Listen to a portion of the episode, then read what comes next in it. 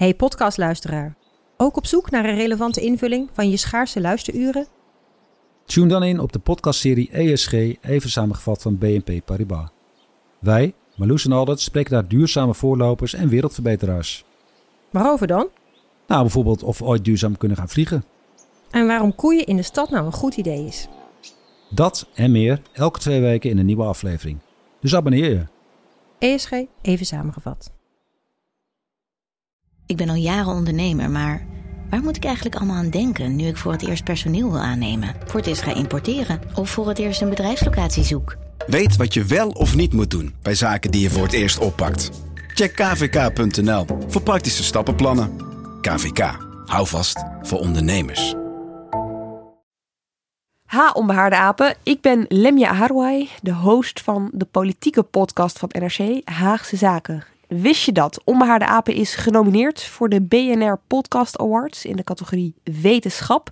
En jij kan op ze stemmen. Ga daarvoor naar de website podcastawards.nl. En als je daar toch bent, je bent toch bezig met stemmen, stem dan ook even op Haagse Zaken. Wij zijn genomineerd in de categorie Nieuws en Politiek. En dan ga je nu luisteren naar Onbehaarde Apen. Veel luisterplezier.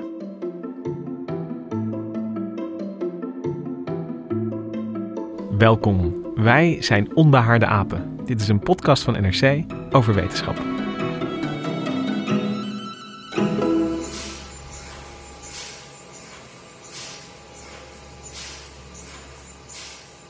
Ja, wat je hier hoort is niet het geluid van een moderne fabriek, maar van de moderne tijd die bijna is aangebroken. Dit was een quantumcomputer die staat bij IBM.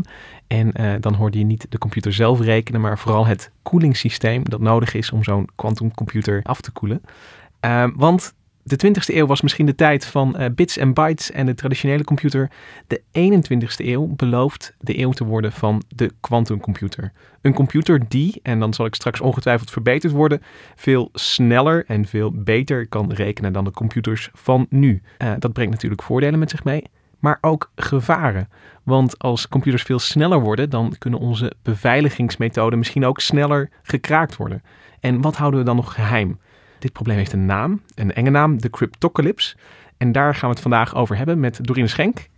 Hoi. Hoi, jij schrijft voor uh, NRC over uh, natuurkunde. Uh, en we hebben het nu over quantumcomputers. En dan denk ik gelijk quantum van quantummechanica.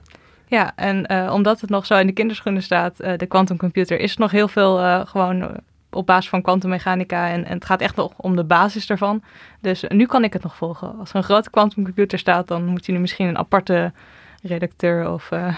Ja, we zitten nu eigenlijk op de grens nog van uh, natuurkunde en informatica op dit Ja. moment. Ja. Want de quantumcomputer is er nog niet, maar iedereen verwacht dat hij eraan gaat komen. Ja. En, en dat zie jij eh, als eh, iemand die schrijft over natuurkunde natuurlijk voortdurend voorbij komen. Ja, er komen echt ontzettend veel persberichten en artikelen lang steeds over nieuwe, nieuwe bouwstenen, nieuwe stappen in de, op weg naar de kwantumcomputer. Ja, en vandaag eh, praat eh, Marcel Aanenbrug, praat ook mee. Je bent eigenlijk klimaatredacteur. Ja. En als je dat dan eh, hoort, dat er zo'n... eh, ja, je vraagt jezelf misschien ook een beetje af hoe je hier terecht bent Een gekomen. beetje wel, ja. Maar als je dat dan hoort van zo'n ontzettend cool systeem dat nodig is om een quantumcomputer een beetje eh cool te houden, denk je dan van, oh Precies, jongens, daar ja, gaan daar we gaan weer. we. Oh ja, ja, ja. En dan lopen de, de, de CO2's weer op. Ja. Maar we kunnen wel nog beter klimaatmodellen ermee voorspellen. Dus Oh, dat- kijk, De dat oplossing verzacht de pijn. Ja. Nee, de, de, quantumcomputer staat eh, vandaag, nou ja, de, de, het, de quantumproblemen staan vandaag eh, centraal. De, de cryptocalypse. Een probleem dat er nog niet is, maar wat er wel aan zit te komen. Eh, ja, dat gaat erom dat er in elk geval één kwantumcomputer is. Eh, en dat daarmee onze gewone computers en de beveiligingssystemen daarop in gevaar lopen. Dus dat dat is echt het, het eerste gevaar wat er komt van de kwantumcomputer. Ja, dus om, om eh, straks gaan we het er verder over hebben. Maar zodra er één quantumcomputer er is, dan zijn onze, eh, zijn onze berichten eigenlijk al niet meer veilig zoals ze op de manier waarop ze nu beveiligd worden. Dus het is echt, al één kwantumcomputer kan al een probleem opleveren. Zeker als eh, in de verkeerde handen valt. Ja. Maar dat, de reden dat een kwantumcomputer ehm, een probleem is, is omdat hij is echt fundamenteel anders dan een gewone computer. Ik heb wel eens iemand gehoord die vergeleken het met eh, de stap van een telraam naar een gewone computer. Eh, zo groot is ongeveer de stap van een gewone computer naar een kwantumcomputer. Dus in de inleiding zei ik dat hij veel sneller en krachtiger is. En dat klopt ongeveer wel? Eh, hij is op bepaalde gebieden sneller en krachtiger. Ehm, hij kan sommige problemen oplossen in een paar seconden waar nu nog duizenden jaren voor nodig zijn. Maar dat geldt niet voor alle problemen. Uh, daar hebben we het misschien straks nog wel over. Want de quantumcomputer bestaat in tegenstelling, net als een telraam bestaat uit kraaltjes. En een computer bestaat uit wel elektrische stroompjes en dat soort dingen. Nou, een quantumcomputer bestaat ook weer uit iets anders, uit andere bouwstenen. Die heeft in plaats van bits, een gewone computer heeft bits, dat is een 1 of een 0, wel of geen stroom. En uh, een quantumcomputer heeft qubits, en dat zijn kwantumdeeltjes. Dat zijn inderdaad uh, hele kleine deeltjes met kwantumeigenschappen. Dat kan van alles zijn. Dat uh, kan een elektron zijn, dat kan een foton zijn, een lichtdeeltje, of een atoomkern, die kan ook kwantumeigenschappen hebben. En die deeltjes kunnen niet 1 of 0, niet alleen 1 of 0 zijn, maar ook een soort combinatie van die twee. Dus het kan, een kwantumdeeltje kan bijvoorbeeld 80% 1 en 20% 0 zijn. Ja, of elke andere verhouding. Dan ben je echt in de gekke kwantumwereld al meteen terechtgekomen. En even, nog even voor mijn begrip, dus een, een traditionele bit is eigenlijk als een schakelaar. Die staat of uh, vol richting 1 of vol richting 0. Weet je, daar, daar zit weinig ruimte in. Mm -hmm. En op het moment dat je zo'n qubit hebt, dan heb je dus te maken met een, uh, een informatieeenheid die, die meerdere dingen tegelijkertijd kan zijn. Ja, een qubit, ja, een qubit kan dus eigenlijk meerdere dingen, tegelijkertijd zijn. Nou ja, de 1 en de 0 tegelijkertijd zijn, de, die twee eigenschappen. En uh, hij zit dus eigenlijk op de, de uh, waarde van een qubit zit dus op een soort spectrum uh, tussen 1 en 0. Dus, dus wat jij zegt net is, een, een, een qubit kan 1 vijfde 0 zijn. Ja, en, en dan 4 vijfde 1. Oké, en dan denk ik dat uh, uh, het levert een hoop gedonder op. Want als je een, uh, je kunt rekenen, als ik dat me zo voorstel, als ik een rekensom moet maken met, met, met gewoon ene en nullen, weet je, die kun je optellen en aftrekken en vermenigvuldigen en daar komt een uitkomst uit. Maar hoe zit het dan als je met zo'n qubit aan de slag gaat? Hoe ga je rekenen met iets dat een beetje één is? Ja, dan voer je dus eigenlijk een berekening uit op zowel die 1 als die 0 tegelijkertijd. Want ik zal ook nog even de echte officiële term erin gooien. Uh, dat een qubit een 1 en een 0 is, dat betekent dat hij in een uh, superpositie is van 1 en 0. En je berekent dus ook een soort van. Die superpositie kan tijdens de berekening dus in stand blijven. Dus je, doet beide tegelijkertijd. Um, dat kan ook. Die superpositie blijft gewoon in stand. Maar zodra je er naar kijkt, zodra je meet, neemt hij een van die twee waarden aan. En dan, dat doet mij denken, en misschien dat ik, ik zie Marcel ook een beetje kijken van dat uh, het punt dat je ergens gaat, gaat meten en dat het dan iets is, dat is heel fundamenteel in, in de kwantummechanica, toch? Dat, dat is, dat is een, een, een basis uh, idee. Ja, en daar zijn ook hele filosofische gedachten over. Daar zullen we het vandaag niet over hebben. Het gaat nu over de uh, zover mogelijk praktische kant van, van kwantummechanica. Maar ja, dus dat een kwantumdeeltje is heel fragiel. Zodra je er het meet of er iets mee doet, het aanraakt, het aantikt, um, er tegen blaast, uh, kan het al in een van die twee standen schieten of, uh, of verpest raken. Dus ja, uh, ja het, het, zijn fragiele dingen om mee om te gaan. Ja, en is dat dan ook een van de redenen dat je het zo ontzettend moet, moet koelen? is, heeft dat ermee te maken dat, dat je de, de, de, de chaos zeg maar, in het systeem zo, zo laag mogelijk probeert te krijgen? Of, of heeft dat een andere reden? Nee, dat is volgens mij de belangrijkste reden. want ja, qubits zijn heel gevoelig voor ruis. Dus ook bijvoorbeeld warmte is ook ruis, trillingen. Uh, ze zitten volgens mij ook vaak nog in vacuüm om te zorgen dat er geen, uh, geen moleculen uit de lucht tegenaan botsen. En dat soort, uh, ja, en verstoren. Ja, dus je moet ze heel erg afschermen en dan kun je er mee gaan rekenen. Ja. ja. Nou, je, je, je zei het al van die, die quantum bits, die zijn, die qubits zoals ze dan heten, die zijn allebei tegelijkertijd. Allebei de, de toestanden die ze kunnen zijn. Uh, en dat legt de onderzoeker Shohini Ghosh legt dat uit, maar dan uh, uh, met kop of munt. Here's how it works. A regular computer simulates heads or tails of a coin as a bit, a zero or a one, or a current flipping on and off inside your computer chip. A quantum computer is completely different. A quantum bit has a more fluid, non binary identity. It can exist in a superposition or a combination of 0 and 1 with some probability of being 0 and one, some probability of being 1. In other words, its identity is on a spectrum. For example, it could have a 70% chance of being 0 and a 30% chance of being 1, or 84, or 80 20, or 60 40. The possibilities are endless. Moet ik me dan voorstellen dat als je... Marcel, je, zit, je Ja, houdt je schouders een ik- beetje op. Ik probeer, ik probeer me iets voor te stellen van een, een, een reken, normaal op een computer een rekensom, 22 keer 22. Dus ik bedoel, dan- als je dat representeert in nullen en enen, bedoel, dan ik probeer me voor te stellen, hoe werkt het dan met, met qubits? Eh, nou ja, je hebt daar dus meerdere qubits voor nodig. En die qu- qubits moeten op de een of andere manier met elkaar verbonden zijn. Dus voor een, voor een getal, ja, als je echt gewoon letterlijk één getal erin wil stoppen, dan kun je het best gewoon bits gebruiken. Ehm, maar een qubit kan, eh, eh, als je meerdere qubits bij elkaar hebt, die, kun je die ook aan elkaar linken. Je kunt ze verstrengelen. En dan zijn hun toestanden met elkaar verbonden. Je kunt daar bijvoorbeeld eh, mee vaststellen dat als de een 1 is, dan moet de andere 0 zijn. Dat weet je dan ook instantaan. Als je bijvoorbeeld twee qubits hebt die verstrengeld zijn, dan zijn ze allebei een soort mengsel van, van 1 en nullen.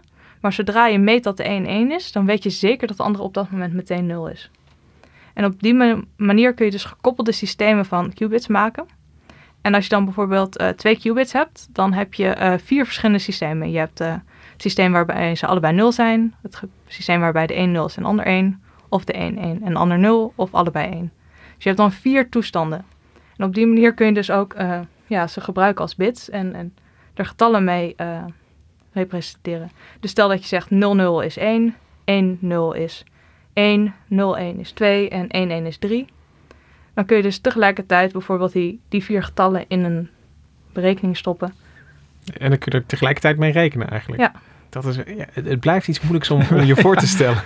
En, en het, is, het is dus ook dat, eh, eh, want, want je gaf net het hele simpele voorbeeld van eh 20% 0 en 80% 1. Maar zodra je dit soort systemen gaat doen, dan gaan die kansen, die gaan natuurlijk, ja, weet je wel, voor- misschien is de kans op 0,0 wel 3% en eh, de kans op 0,1 is dan weer veel hoger. Dus, dus dat, je, je komt natuurlijk in een, in een eh, eh, hè, en al die bits die, die, die kijken elkaar dus een beetje aan, want ze zijn verstrengeld, zoals je, eh, zoals je net zegt. Eh, het, het, het, het is iets dat moeilijk is om, om voor te stellen. En ik zit me af te vragen Ja. van, van hoe bedenkt iemand dit is een, een goed idee om te hebben, zo'n eh, zo'n zo'n computer die, die eigenlijk veel chaotischer werkt dan, dan de computer die we, eh, die we al hebben. Ja, dat zijn mensen die eh, vrij veel met kwantummechanica doen. Ja. Geloof dat Richard Feynman ook wel een van degenen was die bedacht dat een quantumcomputer in theorie mogelijk was. En die realiseert zich dus dat je dan in plaats van eh, als je twee normale bits hebt, heb je dus eh, gewoon één systeem. Dus je hebt of 00 of 01 of 11. Nou. En als je qubits hebt, heb je die alle vier tegelijkertijd. En denken ze, nou, daar kun je dus ook tegelijkertijd mee rekenen en tegelijkertijd dingen mee doen. Het enige eh, probleem daarbij is, of nou probleem, ehm, het antwoord krijg je pas als je het meet. Je weet het antwoord pas als je meet. Als je nou zo'n redelijk chaotisch systeem of, of random systeem gaat meten, dan krijg je dus willekeurig een van de antwoorden. En daar heb je natuurlijk niets van. Stel dat je bijvoorbeeld eh, eh, de kortste route wil weten tussen een aantal punten. ehm, en je stopt er allemaal in, dan krijg je alle mogelijke routes. Worden allemaal berekend hoe lang ze zijn, dan krijg je een willekeurig antwoord. Maar niet per se de kortste. Dus voor dat soort problemen heb je niets van een quantumcomputer. Je moet op de een of andere manier een, een quantum-algoritme bedenken dat ervoor zorgt dat het antwoord wat eruit komt, dat, je, dat dat per definitie het antwoord is wat je wil. Ja, dus al bij het bedenken van het algoritme moet je al rekening houden met, die, eh, eh, met, met de kwantumwereld en, en de, de mogelijkheden die voor je liggen. Je moet er bij het. eh, je, je kunt niet zomaar een algoritme wat je hebt in, in normaal computerland eh, vertalen naar kwantumland. Om het maar even zo te zeggen. Nee, je hebt wel speciale kwantumalgoritmes nodig om eh, bepaalde problemen aan te pakken. En het is ook niet zo dat we straks allemaal een eh, kwantumtelefoon in onze broekzak hebben. Want, want misschien is voor de, de toepassingen die we nu hebben een, een, een gewone computer wel goed genoeg. Ja, dat, ik denk van wel, maar ja, er, ja. er heeft ook ooit iemand gezegd: Ik denk niet dat we op de wereld meer dan vier gewone computers nodig hebben, of iets in die trant. Dus eh, ik durf geen uitspraak hierover te Het doen. kwantumalgoritme is wel gewoon één algoritme, hè? Of kan dat ook nog meerdere algoritmes tegelijkertijd zijn? dat is zover ik weet wel gewoon één algoritme. Ehm, ja, alleen per probleem heb je dus wel weer een ander kwantumalgoritme nodig. Ja, en het is dus niet eh, zo dat, dat quantum eh, altijd beter is. Nee. Je moet er dus wel de, de, de omstandigheden naar maken. En, en hoeveel, aan, want je zei net eh, die qubits, hoeveel, hoeveel zijn ze nu dan? Hoe ver ze zijn qua qubits. Ja? Ehm, er zijn een heleboel mensen die eraan werken. Google werkt eraan, eh, IBM werkt eraan. Ehm, er zijn een heleboel universiteiten die eraan werken. We De- hebben onze eigen. ja, in Delft. Nou, Mhm. eh, daar zit, eh, zit QTech. En eh, daar wordt ook heel hard gewerkt aan een quantumcomputer. En eh, de, het verschilt een beetje hoe ver ze zijn. Sommigen zijn nog bezig met het maken van qubits, want ze zijn er ook nog niet uit wat de perfecte qubit is. Maar er zijn een aantal systemen die al enkele tientallen qubits hebben. Nou betekent dat niet dat je tien qubits hebt waar je meteen iets mee kan doen. Want ze zijn dus heel gevoelig, dus je hebt ook foutencorrecties nodig. Dus ehm, de, de grootste, degene met de meeste qubits, is niet per definitie de beste. Je moet ook zorgen dat je qubits hebt die stabiel genoeg zijn. Oké, Ja, dus oké. i- iemand kan zeggen, ik heb, ik heb iets met, eh, ik heb een computer met 100 qubits gemaakt, maar als die qubits eh, bij het minste of geringste eh, in, in de war schieten, dan, dan heb je geen lekkere quantum Als hij maar 3% van de tijd een antwoord geeft waar je iets aan hebt, dan, Ja. ja. dan heb je liever een met 10 die altijd goed is. En is er al bekend welke qubits zich dan, als je kijkt naar die stabiliteit, welke qubits zich beter lenen voor die toepassing? Nou, dat weten ze nog niet heel zeker, maar er, zijn, eh, er is ook zoiets als een topologische quantumcomputer. Dan zit een, eh, dat is met Majorana-deeltjes, dat waar Leo Kouwenhoven in Delft ook druk mee bezig is. En ehm, ook een promovendus die eh, recent eh, met een interview in de krant stond, die werkte daaraan.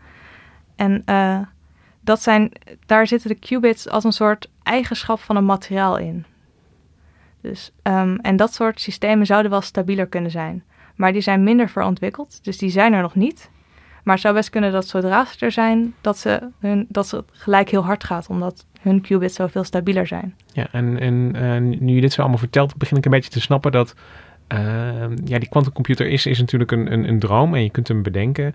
Maar de fase waar we nu in, zoek, in zitten, in het zoeken naar een, een fijne, lekkere qubit om mee te werken, we, we zitten nog echt wel heel erg aan het, aan het begin. Ja, we zitten, er wordt wel heel veel onderzoek gedaan aan qubits, gezien alle publicaties erover. Er zijn Ja. ook al qubits waar je dus inderdaad dingen mee kan doen, echt dingen die je met eh, met gewoon een computer ook kan doen. Ehm, logische bewerkingen en zo. Eh, dus het gaat hard, maar en zeker omdat zoveel bedrijven enorm in investeren. Ik bedoel, als, als Google en IBM achter je staan, dan heb je waarschijnlijk wel, en Microsoft in- bij Delft, dan heb je waarschijnlijk wel wat geld om erin te stoppen. Eh, maar ook ja, hoe lang het nog duurt voordat er een echte bruikbare is, dat durf ik ook niet te zeggen. Ze zeggen al heel lang, eh, nog 20 of 30 jaar. Doe me een beetje denken aan die kernfusie Ja, waar jij ook mee bezig hield. Dat was ook al eh 50 jaar, nog 20 jaar weg, of wat was het? Ja.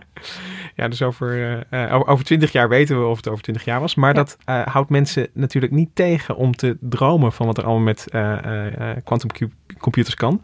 En Julia Kramer hier van QTech, dat jij al even noemde, Doreen, die heeft daar ook ideeën over. Bijvoorbeeld je bankgegevens, die zijn nu beveiligd met grote rekensommen, maar misschien dat die straks wel eh, helemaal niet meer zo veilig zijn. Terwijl eh, die fundamenteel, dus door, door kwantumverstrengeling, beschermde communicatie, echt niet te kraken is. Dus dat zou een belangrijk aspect zijn voor jou, want jij wil gewoon dat je je eigen geld houdt. En, eh, en een ander belangrijk aspect is bijvoorbeeld dat we misschien wel veel beter kunnen uitrekenen of begrijpen hoe medicijnen zich in je lichaam gedragen of hoe eh, enzymen zich opvouwen. Dat soort grote vragen in, in bijvoorbeeld de biologie en in de medische wereld. Ja, misschien dat, dat de quantumcomputer daarin ook wel hele goede antwoorden kan bieden. Ja, dus, dus dat onderzoek eh, eh, naar, naar chaotische systemen, zoals jij het eh, eh, zei, eh, Marcel, dat eh, daarin worden wel toepassingen van de quantumcomputer gezocht. ja, eigenlijk in systemen die zich ook een beetje kwantumachtig gedragen. Ja. Eigenschappen van eh, materialen, als je die combineert, wat er, wat er dan gebeurt, hoe zo'n materiaal zich dan gedraagt, wat de eh, geleidbaarheid is en, en dat soort dingen. En ja, kennelijk ook eh eiwitvouwen, maar daar weten jullie meer Daar van wordt- dan ik. Ja, daar wordt veel over gesproken, ja. Ja, ik, ik, eh, dat, dat eiwitvouwen, het, het, is, het is een leuk probleem. Dus als jullie me even toestaan, dan wil ik het wel uitleggen. Het is altijd een, een volgorde van bepaalde aminozuren. En je zou denken van, die, dat, is een, dat is tweedimensionaal. En, en, maar die vouwen zich altijd in de driedimensionale ruimte op een bepaalde manier op. Het is nog steeds niet gelukt om, om goed te voorspellen als je een, een sequentie hebt van hoe dat er dan uit gaat zien in, in de ruimte. Want het is altijd een soort origami-werkje. En, en eh, er zijn allerlei pogingen om het te doen. En, en, en een van de sympathiekste is nog wel ooit dat iemand ooit een computerspelletje van gemaakt heeft. Dat als je dan de beste vouwsel eh, had, dan kreeg je de meeste punten. Om zomaar eh, mensen aan het werk te laten zetten.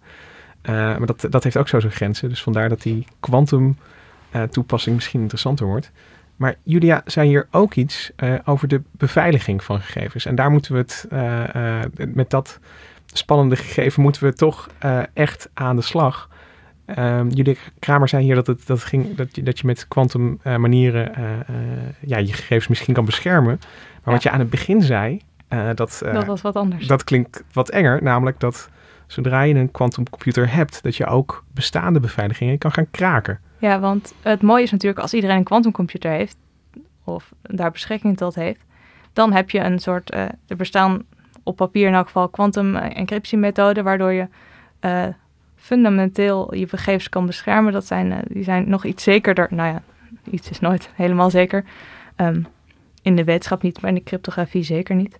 Um, dat, uh, dat je daarmee uh, je gegevens kan beschermen en veilige sleutels kan versturen, waarmee je dan weer je berichten kan versleutelen. Um, dat kwam met quantumcomputers en met kwantumverbindingen, kan dat op een hele veilige manier, die volgens de natuurwetten eigenlijk niet te kraken is. dus dat zou heel mooi zijn. Maar daar zit nog een stap tussen. En dat is de stap dat sommige mensen een quantumcomputer hebben. In het meest verontruste scenario, uh, je vijanden, om het zo maar even te zeggen, die een quantumcomputer hebben. De thriller schrijft zichzelf als ik je zo naar je luister. ja, er zijn echt uh, mensen die denken, nou, een quantumcomputer is het volgende grote wapen. Want als een, een, het ene land een quantumcomputer heeft en de ander nog niet, dan kun jij echt een, de hele samenleving in de war schoppen. Dat, dat klinkt heel dramatisch, maar dat komt omdat uh, een quantumcomputer heel geschikt is om een bepaald probleem te kraken. En laat dat nou net precies het probleem zijn wat wij gebruiken om al ons internetverkeer te versleutelen. Dus jouw contact met de bank of jouw contact over de e-mail, dat wordt allemaal versleuteld uh, met een bepaalde cryptografische methode. En die kan uh, vrij goed gekraakt worden door quantumcomputers. Daar is zelfs al een kwantumalgoritme voor, dat ligt al klaar. Dat heet Shor's algorithm. Wacht even, dus uh, de quantumcomputer is er nog niet. Maar er is, mensen hebben al wel een algoritme, een programma bedacht dat op een quantumcomputer zou moeten draaien. Ja, ook leuke. Uh, dus er zijn ook al mensen die werken aan hoe je bepaalde materialen kan simuleren op quantumcomputers en dat soort dingen. maar er zijn ook mensen die al bedacht hebben van, nou ja, als uh, ik het kan bedenken, kan mijn tegenstander het ook. Dus laten we maar eens kijken wat we allemaal voor slechte dingen kunnen doen met een quantumcomputer. En er is dus moeten, een... moeten mensen hun, hun, geld nu maar alvast gaan opnemen? Of, uh... nou ja, zover we weten is er nog geen quantumcomputer. Maar je weet natuurlijk nooit waar andere landen mee bezig niet, zijn. Als ik straks mijn bankrekening ga checken, dat ik opeens tot mijn grote schrik een nul zie staan. Ik hoop het niet. Een verkeerde een nul of een 1. Ja, nul of Allebei slecht. Ja. Misschien allebei tegelijkertijd. Ja, dan moet je echt schrikken. maar het, het, het is, uh, ik, ik vind het fascinerend om te, te bedenken dat, er, dat, dat, dat mensen oefenen dus eigenlijk al op het droge. Weet je? Er, er worden al programma's geschreven voor computers die nog niet bestaan. En laat nou net eentje daarvan zijn. En dan zijn we, je hebt het al een paar keer genoemd, in de wereld van de cryptografie. Het, het versleutelen van informatie en berichten. En het decoderen uiteindelijk bij de bedoelde ontvanger. Maar dus ook misschien met iemand die, die stiekem uh, meeluistert. Um, Misschien is het goed als je kort even iets zegt over hoe we die beveiliging nu hebben ingericht. En dan, uh, dan, dan, dan, kunnen we ook snappen, denk ik, waarom de quantumcomputer daar zo gevaarlijk in is. Ja, want waar ik het nu over heb, is de uh, versleuteling van internetverbindingen en zo. En dat is een uh, versleuteling met een publieke sleutel, zoals dat heet. Dus dat is een sleutel. En stel dat jij informatie naar iemand wil sturen, dan versleutel jij je bericht. En uh, de, degene, de ontvanger heeft dan een geheime sleutel en daarmee kan hij dus het bericht weer openmaken. En um, dat is bijvoorbeeld heel handig als je uh, geld over wil maken naar je bank uh, of e-mails wil versturen. En dan moet de server van je, van je e-mailprovider, die heeft dan de geheime sleutel. en die kan als enige die e-mails doorsturen of openen. En uh, dat is wel prettig, want dat zorgt ervoor dat die, die publieke sleutel heeft iedereen. Dus je hoeft niet elke keer naar het hoofdkantoor uh, van jouw serverprovider of van jouw e-mailserver uh, om een nieuwe geheime sleutel te halen, om daarmee al jouw e-mails te versleutelen en dan te versturen. Dat, dat gaat allemaal openbaar, want die publieke sleutel, die kan, daar kan iedereen bij. Want dat ging vroeger echt met koffertjes, geloof ik, hè? Ja. Mensen met ja. koffertjes aan geketend heen en weer reisden met, met codes in een koffertje. En dan hebben we het echt over Koude Oorlog. eh, Zoiets, dit. ja. ja. Met, Ja. Met, met, met de geheime sleutel dan in dat de geheime geval. sleutel. Ja. Misschien gebeurt dat nog steeds wel voor hele gevoelige informatie. Ja, zo'n geheime sleutel in zo'n koffertje, dat is toch nog steeds de allerveiligste manier. Maar deze publieke sleutel, dat is ook, eh, Tenzij het een dubbelspion is. ja, ja, je hebt dan de mens als zwakke schakel. Ja. Maar deze methode, eh, daar zijn verschillende, dat is gebaseerd op wiskunde. Want je moet dus een probleem hebben dat je dus wel kan versleutelen, maar dat je een andere sleutel nodig hebt om, om het open te maken. En daar zijn een aantal wiskundige problemen voor die daarvoor gebruikt worden. En eentje is al genoemd in een eerdere podcast over priemgetallen. Ja, dat was aflevering 45 uit mijn hoofd. De RSA-methode was dat. Ja, dat klopt. En eh, die is vernoemd naar de drie makers. Die zal ik nu niet noemen, want die ken ik Oh. niet uit mijn hoofd. Weet jij die? Nou, niet uit mijn hoofd, maar ik had ze opgeschreven. Ronald Rivest, Adi Shamir en Leonard Adelman. Kijk, Ik, ik had dus geen idee dat het een afkorting voor persoonsnaam was. Ik dacht dat is eh, iets, iets voor eh, Rapid eh, Supercode eh, Algorithm of zo. Nou ja, je hebt, waar je aan het Shore al- al- algorithm is ook naar Shore genoemd. Je hebt de Diffie-Hellman eh, encryptie, eh, dus dat is ook naar meneer Diffie en meneer Hellman. Ja. In, in de Ja. cryptografie is het blijkbaar de gewoonte om, om gewoon credit where credit is due. om, om mensen gewoon, of het algoritme gewoon naar mensen te vernoemen. ja, volgens mij en in de wiskunde ook en in de natuurkunde ook wel vaak. Eh, maar nou ja, er zijn volgens mij ook een heleboel verhalen over dat er dan een verkeerde naam bij staat en dat eigenlijk iemand anders het al veel. Ja, maar zover ik weet bij RSA niet. Maar is dus eh, een beveiligingsmethode en eh, zoals al verteld was, dat is de geheime sleutel bestaat in dat geval uit twee zo groot mogelijke priemgetallen. Die vermenigvuldig je met elkaar en dan krijg je een heel groot getal. En dat hele grote getal is de publieke sleutel. Dus daarmee versleutel je je e-mailberichten. Ja, en wat ik van Alex heb geleerd is dat er geen efficiënt eh, algoritme bestaat om eh, eh, die twee priemgetallen tevoorschijn te toveren uit, dat grote, uit die grote vermenigvuldiging. Klopt, dat bestaat inderdaad niet. Er bestaat wel een algoritme en dat is dus Shor's algoritme. En dat werkt in principe ook op een gewone computer. Maar daar doe je er echt duizenden jaren over. Dat verschilt een beetje per hoe groot de sleutel is. Hoe groter die is, hoe lastiger het te doen is. Ja, er is geen boef met duizenden jaren tot zijn beschikking. Nee, dat, dat hoop ik niet. dus eh, die dingen zijn redelijk veilig. En dat wordt dus ook heel veel gebruikt. Er zijn dus nog een paar andere technieken die eh, vergelijkbare eh, lastige problemen zijn. Die dus de ene kant op is heel makkelijk. Want als ik jou vraag om twee priemgetallen met elkaar te vermenigvuldigen, dan lukt dat wel. Wat is bijvoorbeeld 5 keer 7?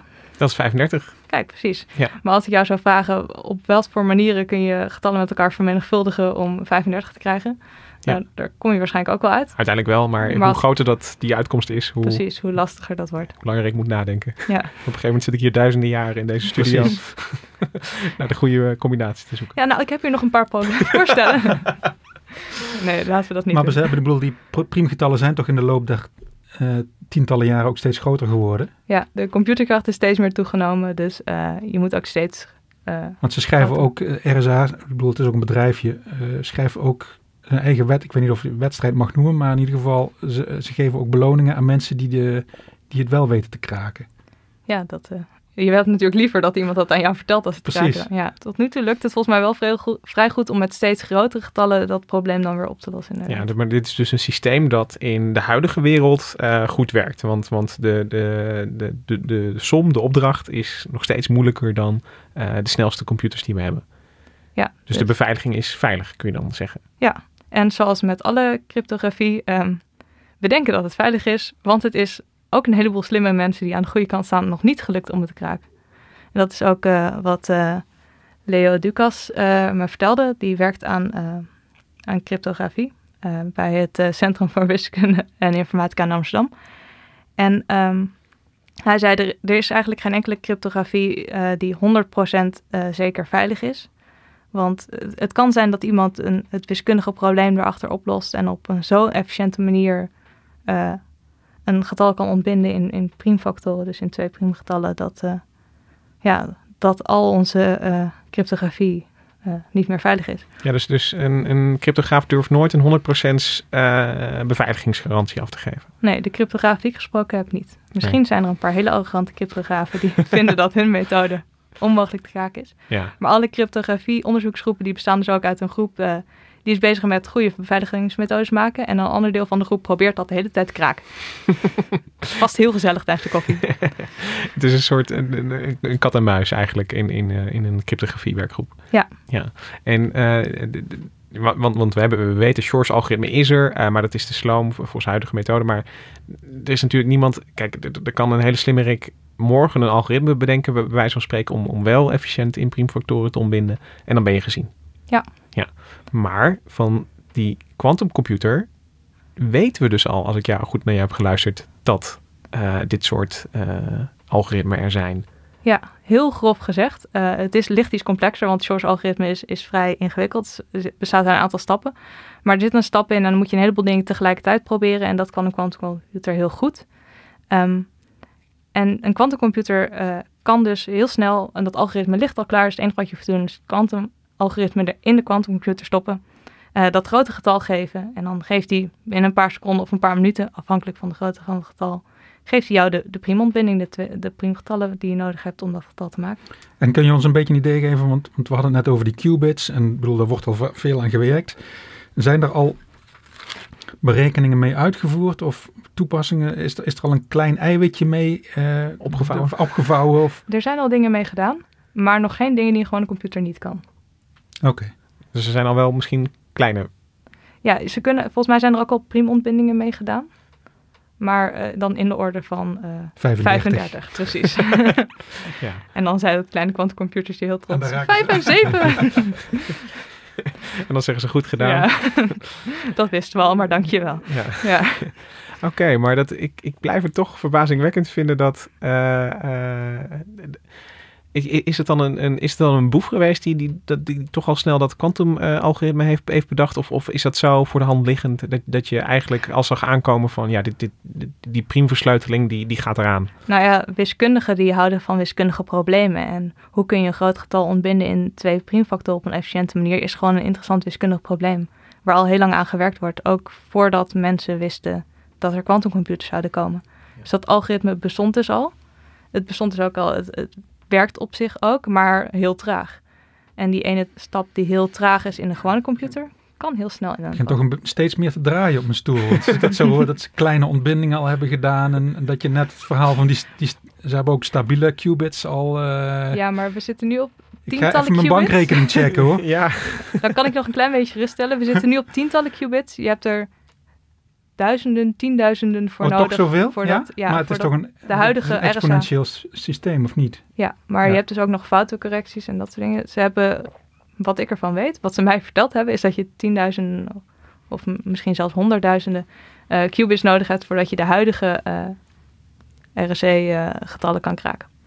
Maar, en dat zei je ook al aan het begin, het enge is dat, dat zodra iemand het heeft, weet je wel wel, dat quantumcomputertje, uh, dan, dan is het dus ook, dat, want dat algoritme ligt al klaar.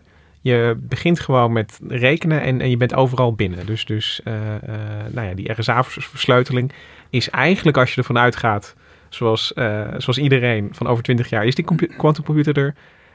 Je weet eigenlijk, we hebben er nu een slot op hangen dat gekraakt gaat worden. Ja, dat klopt. Daarom zijn ze dus ook, ja. ik bedoel, de versleuteling van een van uh, berichten die je via de quantumcomputer verstuurt. Daar zijn ze dus ook al druk mee bezig. Ja, we zijn nu al bezig met onderzoeken uh, dat als er een quantumcomputer is, dat we dan een methode hebben om veilig berichten te kunnen sturen. Ook met onze gewone computers nog. Ja, dus we gaan er nu even. We, ja. hadden het eigenlijk net over de bad guys. Uh, ja. even tussen aanhalingstekens, want het zijn allemaal hele brave wiskundigen die gewoon geïnteresseerd zijn in het ontbinden van priemfactoren. Er zijn vast ook evil wiskundigen. Ja, maar nu, nu gaan we echt aan de kant van de, van de good guys uh, hangen en, en de mensen die een uh, quantum-proof slot proberen te bedenken. Ja. Hoe begin je? Nou, je begint. Um, de huidige cryptografie is gebaseerd dus op wiskundige problemen. Het probleem van die problemen is dat ze heel snel opgelost kunnen worden met Shor's algoritme, dus met bepaalde quantum algoritmes. Dus wat je eigenlijk wil is een wiskundig probleem wat nog niet op die manier opgelost kan worden. Of zover je weet misschien wel nooit op die manier opgelost kan worden. Dus uh, ze zijn op zoek gegaan naar andere wiskundige problemen. Een aantal daarvan zijn al eerder onderzocht en zijn ook als opties voor gewone huidige cryptografie langsgekomen. Maar zoals dat gaat met iets wat bedrijfsmatig is, de, de een won toch en had pat eerder patenten. En ja, dat, dat is echt bijna zoals, uh, weet je, want er zijn altijd uh, oorlogen over wat de nieuwe videostandaard wordt, weet je. En dan heeft. VHS uiteindelijk gewonnen en, en zo gaat het ook in de cryptografie. Ja, ik geloof dat RSA heeft dan, dan gewonnen. En, ja, terwijl je nu... en andere liggen te verstoffen op de plank. Ja, en, en nu wordt er gekeken naar wat op de plank ligt en dan zeggen ze van, hé, hey, dat is misschien ja, wel wordt... quantum proof. Ja, er zijn ook een aantal die, die wat nieuwer zijn. Daar weten we nog wat minder van. Uh, die ook wel hoopvol zijn, maar dat weet je dus nog niet, want daar moet je nog verder aan onderzoeken. Maar zijn er ook een aantal uh, van de plank afgehaald, afgestoft en uh, gedacht, hé, hey, dit is misschien wel wat. En daar, eh, daar zijn mensen echt heel erg geïnteresseerd in. De, de NSA van eh, in Amerika, de, de Veiligheidsdienst, die eh, waarschuwt ook grote bedrijven en overheden om echt eh, al rekening te houden met die quantumcomputers. En eh, of nog langere sleutels te maken. Dat is een eerste stap, want dan heb je nog meer qubits nodig. Dus dan kan het nog iets langer duren voordat die quantumcomputer er is. En om bezig te gaan met die zogenoemde post-quantum cryptografie. Er wordt nu al voor gewaarschuwd, maar ik denk dan van, eh, ja, ik, ik, snap dat je nu onderhand moet beginnen met eh, nadenken over hoe dat gaat doen, maar het is toch pas over 20 of 30 jaar zover? Ja, en je weet nog niet eens zeker. Ik bedoel, het kan best zijn dat het eigenlijk helemaal niet lukt, zoveel qubits bij elkaar. En dat dat helemaal niet gaat werken. Dus waar maken we ons druk over? Ehm, Tegelijkertijd, eerste- ja. en ik weet, ik bedoel, die, die, ehm, eh, de wedstrijd, die misschien geen wedstrijd mag heten, maar Ja. ik bedoel, die zoektocht naar eh, quantum proof eh, eh, cryptografie, daar, daar loopt een soort competitie.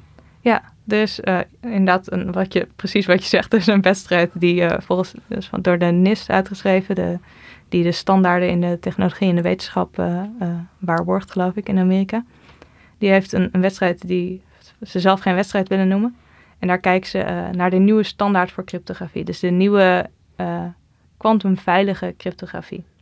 En van de 26 opties die er nu zijn geselecteerd, komen er 11 uit Nederland, begrijp ik. Is Ja. dat ja? Ja. Dat is toch hartstikke veel? Ja, Nederland doet het eh, heel goed. Waarom zijn we zo goed dan? Eh, ik heb geen idee wat daar de oorsprong van is. Maar we zijn ook redelijk bezig, eh vooraanstaand met het maken van quantumcomputers. Misschien trekt dat ook mensen aan die, eh, Die, die zich er tegen willen beschermen. Nou, het is in ieder geval geruststellend dat mensen er mee bezig zijn. En, en dat gaat dus goed. We hebben dus, jij zegt maar zoal 26 kandidaten. Ja. Ja. Oké. En, dat, en dat zijn dus eh, eh, problemen die dus niet zijn ontbind in priemfactoren, maar dat zijn andere problemen. ja, dat zijn andere wiskundige problemen. Bijvoorbeeld die te maken hebben met, eh, met roosters, met punten erin, zoals een XI-stelsel met punten erin. Dat, dat kun je op de een of andere manier ook gebruiken als, als versleuteling. Ehm, en een XI-stelsel is twee dimensies, maar ze kijken nu naar eh, stelsels met eh, 2000 dimensies. Oh, wow. En daarin kun je best wel goede sleutels maken die lastig te kraken zijn. Mijn hoofd is net, net ontploft. Ja. Weet je, die, die, derde, die derde as kan ik er nog bij denken. Maar misschien dat ik dat stapje even moet nemen.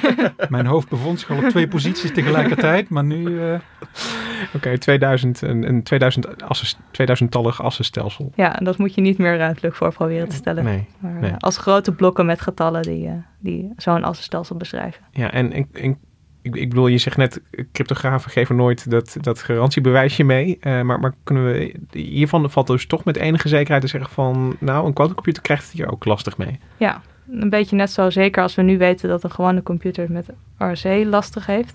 Weten we dat met deze dingen ook. Ze zijn, eh, zover we weten is er ook nog geen, is er geen kwantumalgoritme nog bekend of, of niet voorhanden om dit soort dingen op te lossen. Veilig tot het tegendeel bewezen is. Precies. Ja. En er zijn een heleboel slimme mensen heel hard te proberen om dit eh, niet veilig te maken, dus om het te berekenen. Oké, ik, ik vind het... eh, ja, ik weet, ik weet niet of ik gerustgesteld ben. Is, is er... eh, ja, je... je, je, je de- nou, het vooruitzicht dat die, eh, dat die quantum proof cryptografie er, dat die vrij dichtbij is, dat, eh, dat vind ik toch wel geruststellend. Ja, want we hebben toch nog twintig jaar, zou je zeggen. maar toch Nou, hadden ja, we het eigenlijk gisteren al moeten hebben. ja. Ja, het is, het is toch... eh, ehm, nou ja, kijk, eh, het blijft altijd een wedstrijd tussen, tussen mensen die goed zijn in, in eh, kraken en mensen die goed zijn in versleutelen. Ehm, maar ik vind het idee zo eng dat, dat, die, dat het moment dat die quantumcomputer er al is, dat er dan ineens een, een, eh, eh, ja, een, een, een, een boel algoritmen klaar liggen om, om eh, gebruikt te worden. Ja, en het probleem is dat al jouw data nu is beveiligd met die, nou ja, ik wil het niet ouderwets noemen, maar eh, met de huidige eh, encryptiemethode. Dus eh, als er, stel dat er ergens iemand is die al jouw informatie, al jouw e-mails, al jouw WhatsApp-berichten opslaat. En als die uiteindelijk beschikking heeft over een quantumcomputer over 20 jaar, dan kan hij al jouw berichtjes die je nu verstuurd hebt, kan hij lezen. Dus daarom zeggen een aantal van die mensen die aan post-quantum cryptografie werken ook, we moeten niet wachten over 20 jaar om zo'n Oh. beveiligd systeem te hebben. We moeten nu al onze data gaan Ja. beschermen tegen een quantumcomputer. We zijn eigenlijk al te laat, zeg je. Ja, eigenlijk wel. Als jij al appjes die je vandaag verstuurd hebt, als je niet wil dat iemand die over 20 jaar leest, dan ben je nu al te laat. Als Oh, iemand ze opgeslagen Marcel? heeft. Oh, oh. Niet alleen je bankrekening. Ja, wat jouw bankrekening nu was, dat maakt misschien over 20 jaar iets minder uit. Nee, maar het, het werkt dus zo dat, dat iemand die nu eh alles stofzuigt en, en, en, en ook al denkt van oké, ik kan er nu niet bij, maar je, je, je slaat het gewoon op, je laat het lekker liggen en op het moment dat die quantumcomputer er is, dan kom je erin. Ja, en voor de meeste eh, gewone mensen is dat niet heel relevant. Ik bedoel, je gaat je misschien een beetje schamen als een aantal mensen je berichtjes kunnen lezen, maar ja, dat zal er niet, niet gek veel te doen.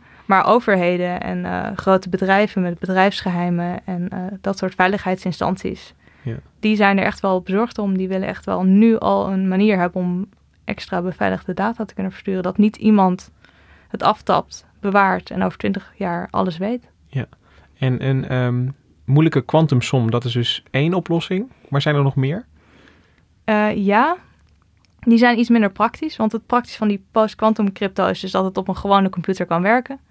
Eh, je moet een aantal van die eh, systemen veranderen. Ik bedoel, ROC, daar merk je nu ook niet zo gek veel van. Ik weet niet hoe vaak jullie er al van gehoord hadden voordat eh, nou ja, Alex daarover vertelde in de... Ja, ik heb een beetje voorkennis, maar de- Ja. tot die tijd maakte ik me Nou, geen ik zorgen. Heb, ik heb eh, twee jaar geleden toevallig ook een cryptograaf eh, geïnterviewd. eh, die samen met Leo Ducas werkt. Dus ik... eh, Ja, je maakt je al wat langer zorgen. ik kwam, ja, precies. Nou, maar ja, nou ja. ik- maar je doet er verder heel weinig mee. Tenminste, ik. Ja. En Ja. hij vertelde ook eh, toen ook, heel veel mensen doen er eigenlijk vrij weinig mee. Ik denk dat dit soort systemen altijd werken met, met vertrouwen. Weet je, wel? Je, hebt, Ja. je hebt vertrouwen in het slot op je deur. Eh, eh, je, en je hebt vertrouwen in, in, in, in de bank dat, dat, eh, dat hij dat netjes eh, eh, doet. En, en zolang het niet misgaat, denk je niet aan dat soort beveiligingsmethoden. Nee. En het mooie dus van die, van die post-quantum is als er een als daar een standaard voor is, dan zou die op zich ook gewoon ingevoerd kunnen worden. En als iedereen vertrouwt die dat invoert, dan komt dat verder wel goed. Maar er zijn inderdaad eh, bedrijven die nu al dingen beveiligd willen hebben en eh, nu al zeker willen zijn en extra veilige beveiligingsverbindingen willen hebben. En daar zijn ook al mogelijkheden voor. Eh, die bestaan zelfs al. Eh, dat is bijvoorbeeld eh, Quantum Key Distribution, heet dat in eh, mooi Nederlands. En eh, Quantum sleutelverdeling. ja, zoiets. Zoiets. Ongeveer. Ja, een, kwantumsleutel. En daar heb je een speciale verbinding voor nodig. Dus dan heb je echt een eh, aparte verbinding nodig. Een aparte glasvezel is het in dit geval. Waarover je een, een eh, ja, kwantum eh, sleutel verstuurt. Ja, we kunnen even luisteren naar eh, Jaya Baloo van eh, KPN. Die is daar Chief Information Security Officer, zoals dat in goed Nederlands heet. En die legt uit hoe ze eh, daarmee aan de slag zijn gegaan bij KPN. We've got Alice.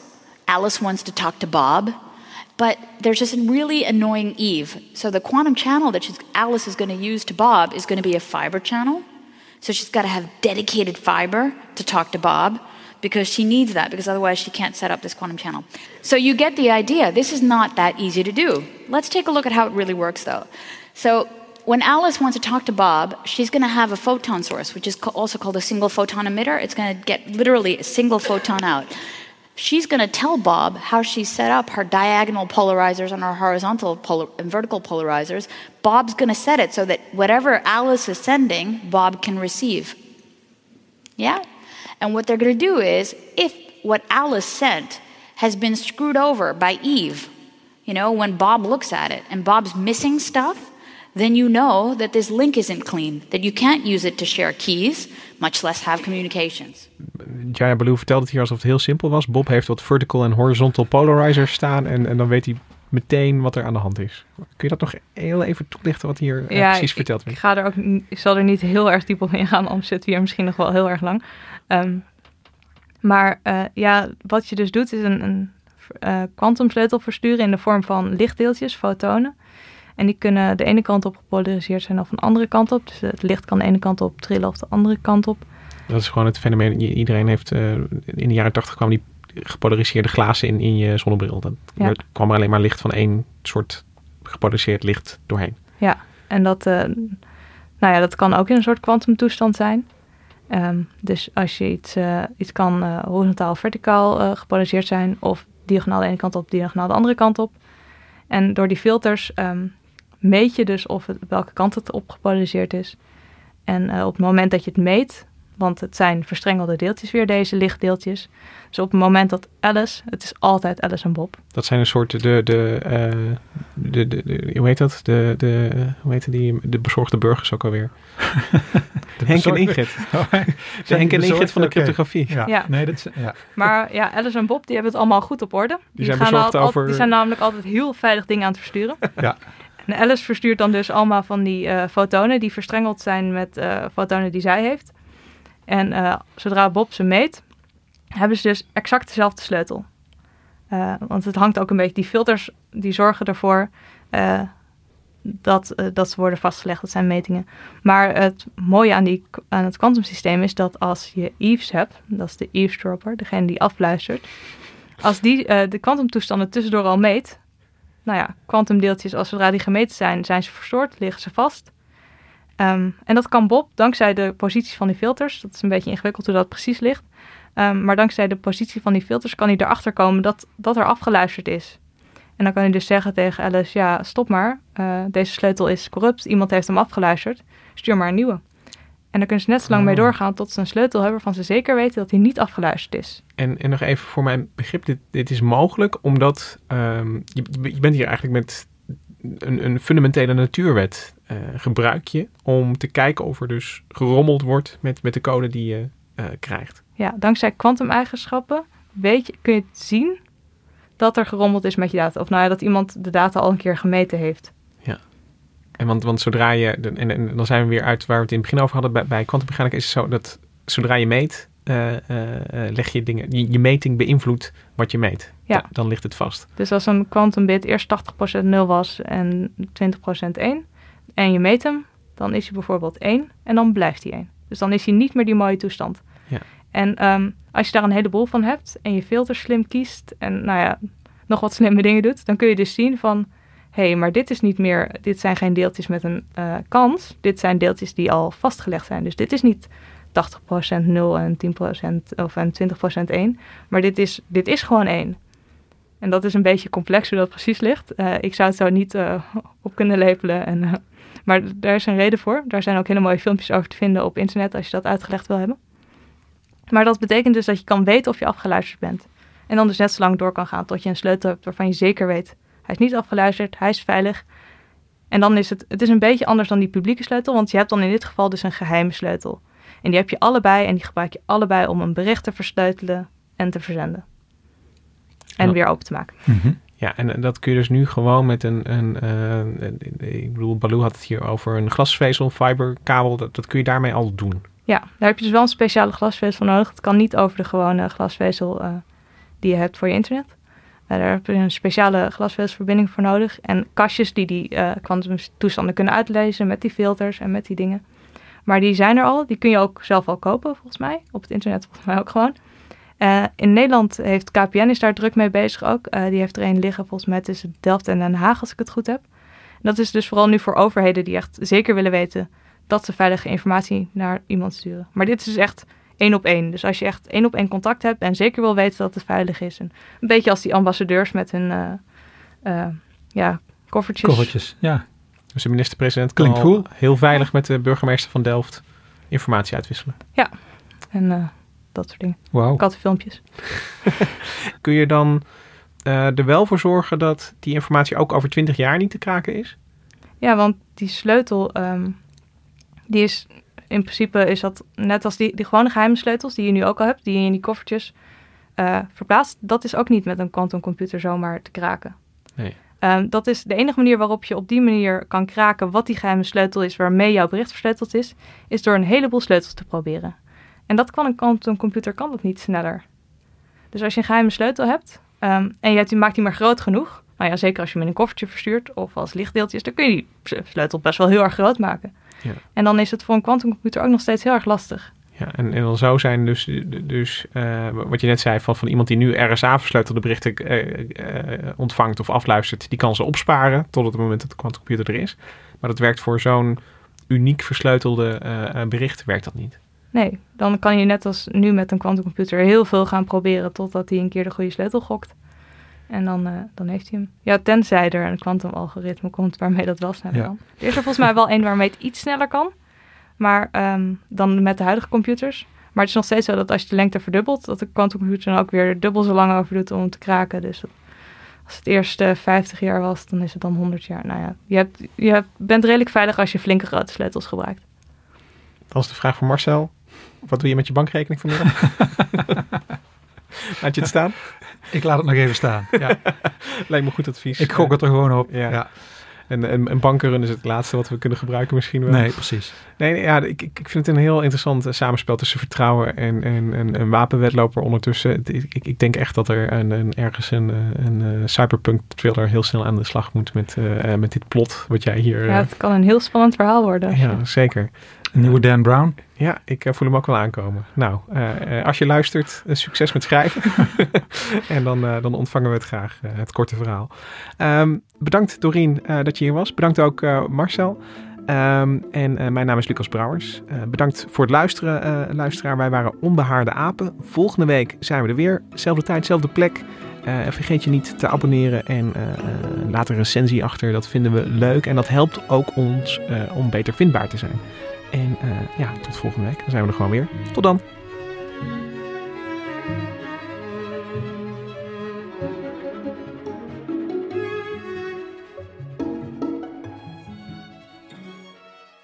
Technologie lijkt tegenwoordig het antwoord op iedere uitdaging. Bij PwC zien we dit anders. Als we de potentie van technologie willen benutten, kunnen we niet zonder een menselijk perspectief. Human-led, tech-powered noemen we dat. Ga naar pwc.nl.